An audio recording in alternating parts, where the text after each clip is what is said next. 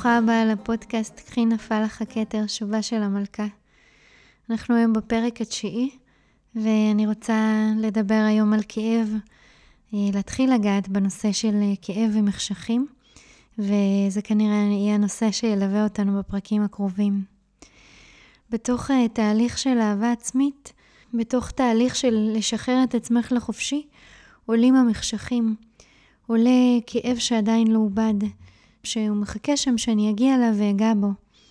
כאילו הגיעה העונה ומישהו שם לך מראה, את מסתכלת עליה ורואה צלקות של פצעי העבר.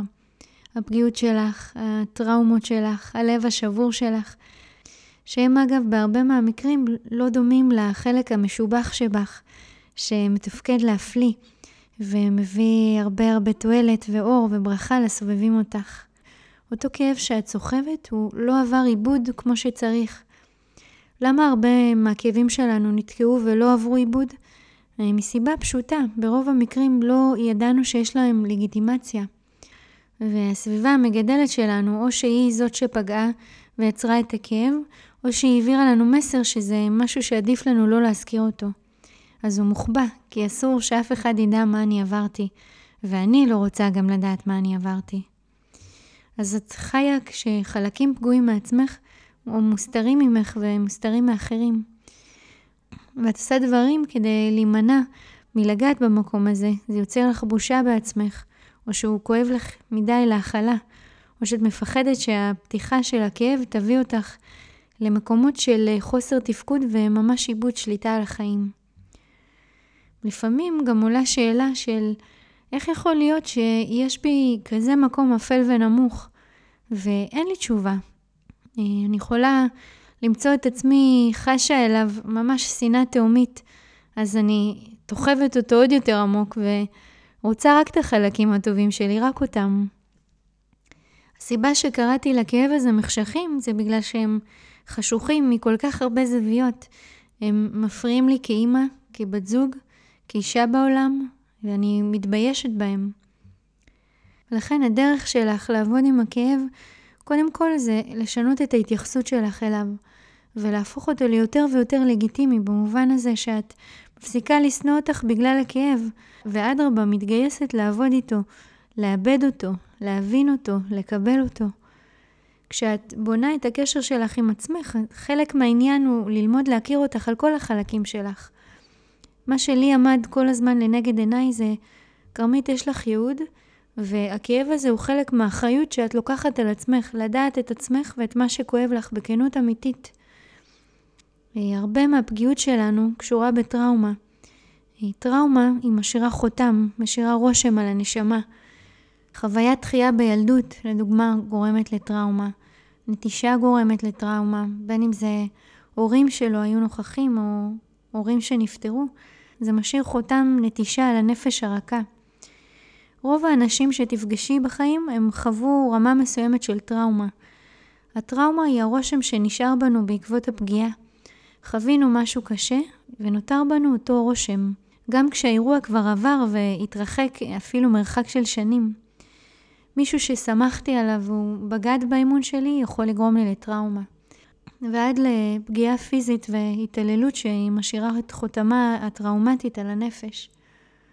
אותם אנשים יצאו כבר מזמן מהחיים שלנו, ואנחנו עדיין כאן מוצאים את עצמנו אוספים את החתיכות. באנגלית זה נקרא injury, נזק מפגיעה שקרתה בהווה ויש לה השלכות עלינו בעתיד. כשפגיעה קורית, היא לא נגמרת באותו יום, היא יכולה להישאר כמתקפה ממושכת אל תוך העתיד. גם אם נראה כרגע שהחיים שלנו מתקיימים בצורה מדהימה ובלי אישיוז ובלי בעיות, אז החדשות הן שיש אישויים בלב, כי יש לנו טראומות, והן מוסתרות מתחת לפני השטח. מנמנמות קצת עד שמישהו מגיע להעיר אותם משנתם. הסיבה שבגללה הטראומה היא לא מרפה והיא אחוזה בנו, בגלל שלא היינו מודעים לה מספיק ולא טיפלנו בה. איך את יודעת שהטראומה קיימת? אחד הדרכים זה כשאת לא מצליחה להמשיך הלאה. נניח אה, את מוצאת את עצמך בכל שיחה מדברת על העבר. לא על העבר הטוב, אלא על העבר הרע, דברים שקרו לך בעבר. המוח שלך אה, מוטרד במישהו שעשה לך רע, או משהו רע שקרה לך בערך 80% מהזמן. אז זה מופיע בשיחות שלך עם אנשים או עם עצמך. נפש שהיא הבריאה, ממשיכה הלאה. ונפש שעדיין לא הבריאה, היא חוזרת אחורה. את לא תוכלי לעבור הלאה וליצור את העתיד שלך אם עדיין לא טיפלת בטראומה ולא הבראת. עוד דרך לדעת שהטראומה עדיין קיימת היא שאת לא מצליחה להניע את החזון והמטרות שלך קדימה. השירות שבאת לתת לעולם, כי את בטראומה ואין בך כרגע את השמחה החיה שתוכל אה, לעזור לך להניע את הדברים. את מתמודדת עם הטראומה בתוך הנשמה. אני קוראת לזה רוח נשברה. זאת עובדה, טראומה לא ניתן להתכחש אליה. אחת ההכחשות uh, שהן הכי טריקיות היא שאת uh, מסתובבת uh, עם חיוך על הפנים של אני כל הזמן שמחה. ובפועל, בלב שלך קורה בדיוק ההפך. טראומה, גם אי אפשר לכסות עליה דרך הישגים ומצוינות. את יכולה להיות מצוינת, אבל זה לא יגרום לטראומה להיעלם. בנקודה מסוימת, את מבינה שאת רוצה להתמודד עם הכאב הזה ולתת לעצמך את הזמן שצריך כדי להירפא. כשאנחנו משהים את הטראומה, אז היא נהיית דיירת קבע בתוכנו, ממשיכה לחיות ולצוץ מתי שמתאפשר לה, או מתי שמתרגרים אותה. להסתכל על טראומה ולהחליט להתייחס אליה ברצינות זאת עבודה מאוד קשה מנטלית, אבל אחר כך לטווח הארוך יש שיפור ברווחת חיים, ולכן היא כל כך משתלמת. טיפול בטראומה זה בעצם עבודה של ריפוי. מה אנחנו עושים שם? אנחנו מניידים את החלק הכואב אל מקום שאני קוראת לו מקום שכולו טוב. בקבלה קוראים לזה להעלות ניצוצות. מעלים ניצוץ של אור שנפל לתוך הקליפה, ככה הזוהר כותב. כל העבודה שלנו בתהליך ההתפתחות, על פי הקבלה, לזהות את הניצוצות הקבועים ולהעלות אותם למעלה, להדליק אותם, לנייד אותם לתוך מערכת האור. הרבה מאיתנו סוחבים טראומה ומזרימים אותה לתוך מערכות היחסים שלנו. אני אגיד את זה עוד פעם. הרבה מאיתנו סוחבות טראומה ומזרימות אותה לתוך מערכות היחסים שלנו. אם היא דרה שם שנים והיא לא מודעת ולא קיבלה את העיבוד שהיא צריכה, אז היא תרעיל את המערכות יחסים שלך, והתגובתיות שלך בגלל הטראומה תגיע בצורה שיכולה לפגוע בך ולפגוע בזולת ובאנשים הכי הכי קרובים אלייך. איך את יודעת שאת בטראומה? מרגישה מצוקה בסיטואציות שנניח את חווה דחייה, או מישהו לא התייחס אלייך בסביבה שלך. לא קיבלת אהבה והרגשת שלא רוצים אותך, או שלא רואים אותך, או שלא סופרים אותך. ועוד ביטוי של טראומה, שבתוך קונפליקטים את נכנסת לחרדה. אז או שתמצאי את עצמך מתגוננת, או מתחילה להקים מהומה, ותעלה בחרדה שיעזבו אותך, שינטשו אותך, שישנאו אותך, או יפטרו אותך, ואת הולכת להישאר עכשיו לבד. טראומה היא גם דליקה, היא מדליקה טראומה של מישהו אחר. אפשר לראות את זה כמו מצוקה שפוגשת מצוקה. ובגלל שלא למדנו להכיר את המצוקה, אז אנחנו מבוהלים אחד עם השני, ומטיחים הרבה הרבה בין אדם לחברו, מה שנקרא. עכשיו, אני אקח רגע אחד fast forward. אם כל אחד היה מטפל בטראומות שלו, היה אפשר להציל המון מערכות יחסים. יחסים בין אחים, יחסים בין חברים, בין בני זוג, הורים וילדים. ואין מתנה גדולה יותר לעולם מאשר בני אדם שלקחו אחריות על החיים שלהם ועל הפצעים שלהם. עכשיו אנחנו בתהליך, וגם זה חלק ממחשבת הבריאה. העניינים האלה כנראה עובדים לאט עדיין, למרות שאנחנו עדים לתהליך של התעוררות של אותם כאבים רדומים, וכן רוצים לקחת שם אחריות. אני זוכרת שהייתה לי תקופה אחרי הבידוד הראשון, הארוך, כשפרצה הקורונה, ועברנו את התקופה של הסגר הארוך, והילדות היו צריכות כבר להתחיל לחזור לשגרה, לבית ספר, ופתאום הבקרים שלי חזרו להיות עם סטרס. עכשיו, את הסטרס אני לא הרגשתי לפני הקורונה, הרגשתי אותו פתאום אחרי הקורונה. כי התקופה הזאת של ההבראה, כנראה שעשתה לי איזשהו חידוד אה, חושים לגבי מה הדברים שהם יוצרים לי טריגר מיידי. והתחלתי להרגיש סטרס בתוך הגוף, ושאלתי את עצמי, מה קורה לי? מה אני מרגישה?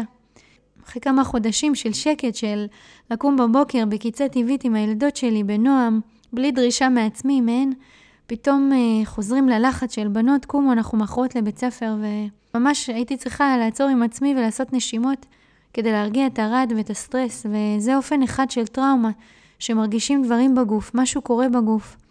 ככה אפשר להבין שיש טראומה שכנראה עכשיו צפה ועולה. כשאנחנו עוברים משהו דרמטי, אז הרוח שלנו נשברת וזה משאיר חותם. והחותם הזה דורש התייחסות והכרה. כרגע בחיים הבוגרים שלנו יש לנו אפשרות אה, לאבד את הדברים שצפים ולהכיל אותם, מה שאולי לא ידענו ולא יכולנו כשהיינו צעירים, והאישיות שלנו עדיין לא הייתה מספיק חזקה ויציבה להכיל את גודל הכאב. טראומה שהיא לא מטופלת היא כמו רגש שנתקע, ויוצרת חוסר תפקוד ואפילו נכות קלה. ממש אזור קטן שנפל אל הקליפה ואין מי שישיב אותו. וחלק מהמלכה ששבה אל עצמה זה הרצון שאת מפעילה מול הכאב במטרה לעזור לך לאסוף את כל הניצוצות שלך משם, ממש כמו לפדות שבויים. תשימי לב לחוויות שאת עוברת שהן נוגעות לך בטראומה, כי הן יכולות לרמז לך שיש שם כאב אמיתי שעדיין לא ננגע. ואולי מטפלת רגשית מוסמכת שאת יכולה לעבור איתה דרך בתהליך הריפוי והיא יכולה לתת לך מרחב בטוח לבטא את הכאב וללמד אותך דרכים שבהם את יכולה לעבוד עם עצמך כשיש לך את ההצפה של הטראומה. כמובן, צריך למצוא את המטפלת או מטפל ש... שמתאימים לך, שאת מרגישה איתם בטוח, שאת יכולה להיפתח ולהרגיש איתם מוגנת, ושאת יכולה לתת בהם אמון.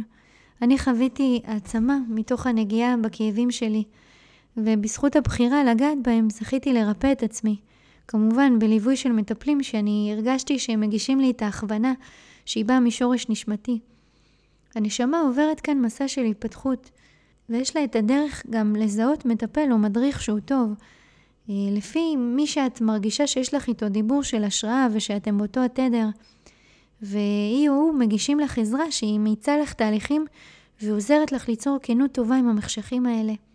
עבודה עם המחשכים היא חלק מתהליך התעוררות. היא חשובה בשביל ההתפתחות של הנשמה, וזה אחד הדברים שמאוד חיזקו אותי בחיים. הידיעה שגם אם אני נפגעתי, או שאני פגעתי ויש לי כאב עכשיו, זה חלק מההתפתחות של הנשמה שלי, ואני רוצה ללמוד איך לגעת בכאב שלי בשביל שאני אוכל להפוך אותו לזהב שלי. בפרקים הבאים אני הולכת להיכנס עוד קצת לנושאים של נטישה והילדה הפנימית, כאבי פרידה והדרך להחלים, אז את מוזמנת להמשיך לעקוב, וכמו תמיד, לכתוב לי למייל שמופיע כאן למטה. אז הרבה אהבה בינתיים. נתראה בפרק הבא.